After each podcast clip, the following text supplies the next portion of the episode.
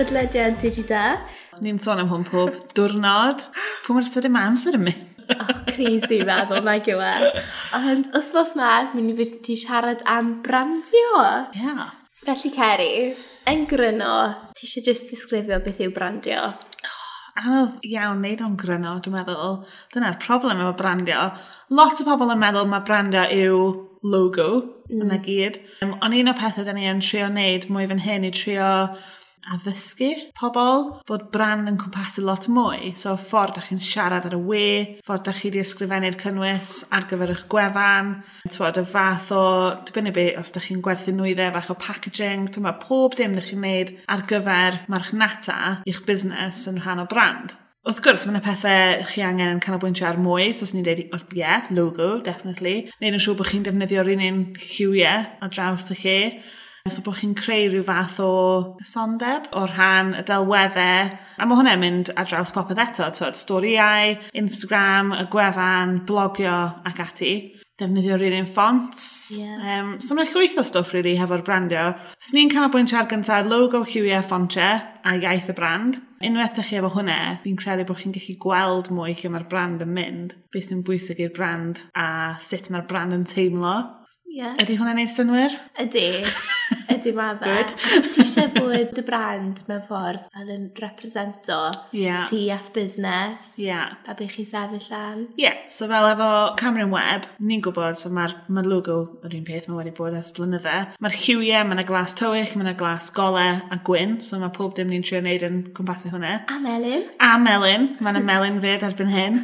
So ni'n trio defnyddio rhywun un fath o lliwiau yn pob dim dyn ni'n neud, ond mae iaith y brand hefyd yn gyfeichgar. Ni ni ddim yn eisiau bod yn rhy ffurfiol, gormod o geiriau jargon na, byd fel yna. So ni'n trio siarad i busnesau bach pobl sydd ddim reidrwydd yn dallt y byd technoleg. A un peth dwi wastad yn deud yw, dwi eisiau i'r cyfryngau cymdeithasol a'r gwefan swnio fel dyn ni'n siarad. Ie. Yeah. Dim fel yn union fel dyn ni'n siarad wrth gwrs, ond dwi ddim eisiau bod na gwahaniaeth enfawr rhwngth nhw. Dwi'n eisiau i rhywun ffonio bod fel, waw, ti ddim yn swnio gwbl fel mae Instagram ti'n swnio, er enghraifft. A mae hwnna'n dod lawr i iaith y brand. Yndi. So, straight bwysig.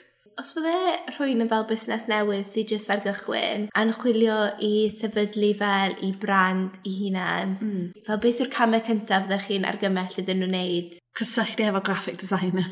Oh, o ie, sni. Ie, sni yn. Dwi'n meddwl, so, mae brand mor bwysig a mae'n effeithio ar popeth. So, os da chi'n busnes newydd, fyddwch chi siŵr o fod eisiau meddwl am beth yw'r strategy marchnata, beth sy'n mynd ar y wefan, os da chi'n gwerthu cynnyrch, to sut mae'r packaging neu beth bynnag yn edrych, A mae gyd o hwnna yn mynd i dod nôl i logo a'r brand. Yeah. A dwi'n meddwl bod yn lot yn oddach i cychwyn busnes os ydych chi'n methu ar y step yna. Achos wedyn, ti'n cochi ar y gysondeb ma, a does na ddim fel marchnata cry i gael.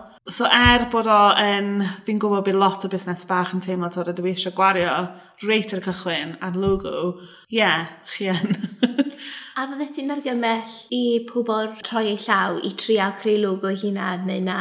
Dibynnu ar pwy mor creative ma nhw. Dwi'n gwybod dwi ddim. So, allai dylunio gofannau, ond ni'n yn gwybod le gychwyn efo logo. A dwi'n meddwl bod o'n skill yn, mm. yn personol. Um, os da chi'n creative, go for it. Fi'n fi'n nabod mae cwpl o clientau ni wedi, a mae'n logos yn edrych yn gret. Ond os da chi ddim, just rho'r arian i rwy'n arall yn neud o, honestly. Mae jyst yn mynd i, mae'n jyst yn mynd i helpu pob dim lawr y lein a creu y marchnata a'r busnes mwy cry. Mae hwnna'n pwynt i o'n teg. Mm. So, yn dy ben personol di, beth sydd yn neud brand neu logo da? O, rhywbeth sydd yn reit syml, oherwydd dwi'n defnyddio'r cyfryngau cymdeithasol lot, dwi'n licio os mae rhywun yn gyrru lwg i fi, dwi'n gwybod yn syth mae hwnna'n mynd i weithio ar cyfryngau cymdeithasol. Ti'n bod o ran fel llun o profil y pethau. Yeah. So er enghraifft, os ti'n cael logo sy'n rili really hir, o, mae hwnna jyst yn mynd i creu problemau. So dwi wastad yn joio am sy'n mae rhywun yn gyrru rhywbeth dwi jyst yn gwybod, it's going to work everywhere, dwi'n hapus efo hwnna.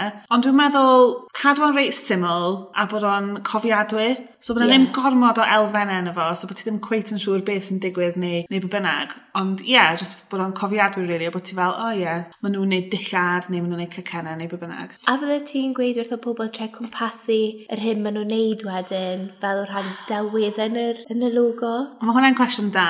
Dwi wedi bod yn gwebinarau lle mae rhywun yn awgrymu, ie, yeah, mae rhaid chi'n neud hwnna. A fi'n cofio gofyn unwaith, hon yn blynydde nôl, o'n i lawr yn Nabeth, o'n i webinar hefo Business Wales, ac ac oedd y dyn oedd yn neud y webinar oedd yn deud, so mae angen i'r logo cwmpasu beth ydych chi'n neud, so os ydych chi'n gwerthu cacennau neu os ydych chi'n peintio neu beth bynnag bod y logo yn cwmpasu hwnna. A nes i dweud, wel, di logo Coca-Cola ddim yn cwmpasu ffaith bod nhw'n gwerthu diodydd. Weird. So, a mae yna llwyth, dim just nhw, ond mae yna llwyth o logos, ddim byd i'n neud efo be maen nhw'n neud. Yeah. Bydde ti'n edrych ar y logo, os bydde ti ddim yn nabod y brand, bydde dim clem dy ti be maen nhw'n neud. Yn cynnwys logo y ddyn ma oedd yn hollol wahanol i be oedd o'n neud fel busnes. A nath o feddwl, ac oedd o kind of fel, oh yeah, okay, fi'n kind of, fi cael y pwynt. So dwi'n meddwl, to, mae logo ni, er bod o'n deud gwe a web, dwi e ddim yn glir bod ni'n dylunio gwefannau na datblygu gwefannau. No. Ond erbyn hyn, mae pobl yn nabod y logo, maen nhw'n nabod y brand. So dwi'n meddwl bod o'n mwy bwysig cael hwnna'n gywir, a bod ni'n mwy cadan hefo'r negeseuon ni'n trio wneud. Yn bendant.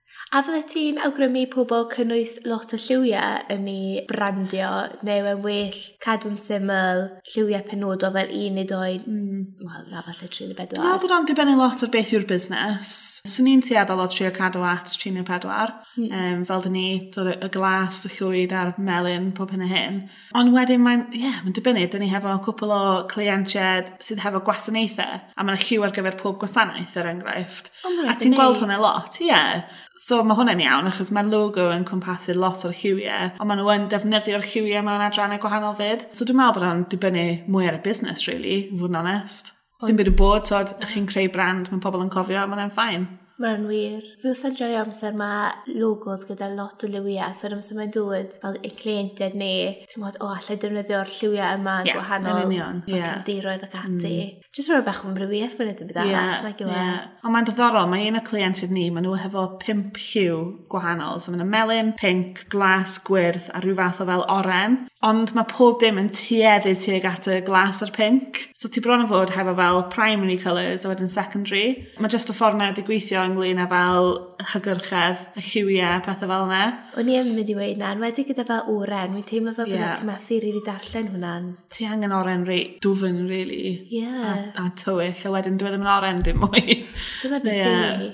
A dylwn ni siarad yn gyflym fan hyn amdano hygyrchedd lliwiau, achos mewn ffordd, hyd yn oed gyda yr ysgrifen dy brand brandu, yeah. mae popeth yn dod nôl i'r hygyrchedd. Ydy. Ie, yeah, mae'n un diddorol sydd yn Dwi'n eisiau deud mwy poblogaidd achos nid hwnna yw'r ffordd esbonio. Mae pobl yn mwy ymwybodol amdan hygyrchedd nawr. So i'r rhai sydd ddim yn, yn gwybod beth yw e, mae basically y ffordd mae screen readers neu pobl sydd ddim yn gallu gweld lliwiau'n iawn ac ati, ffordd maen nhw'n gweld gwefannau neu pamffledu ac yn y blaen.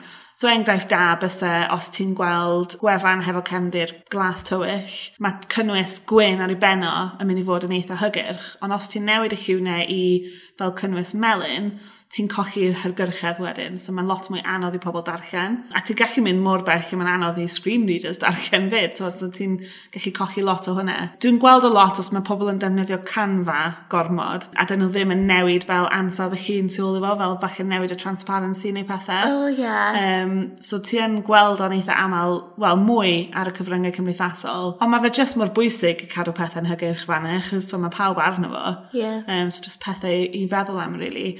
Un o pethau dwi'n um, licio defnyddio fel teclyn ar y we yw web aim checker. Oh, yeah. So ti'n gallu rhoi fewn fel beth yw'r hex code y lliw ar y cefndir a hex code y text. A mae hwnna'n deitha ti wedyn os mae o'n hygyrch neu ddim. Nawr, os da chi'n cwmni neu falle mudiad sy'n cael ei ariannu gen y Llywodraeth yr enghraifft, mae rhaid i chi cyrraedd rhyw nod hygyrchedd, so AA neu AAA, a mae'r gwefan ma'n deitha ti pass pass neu fail.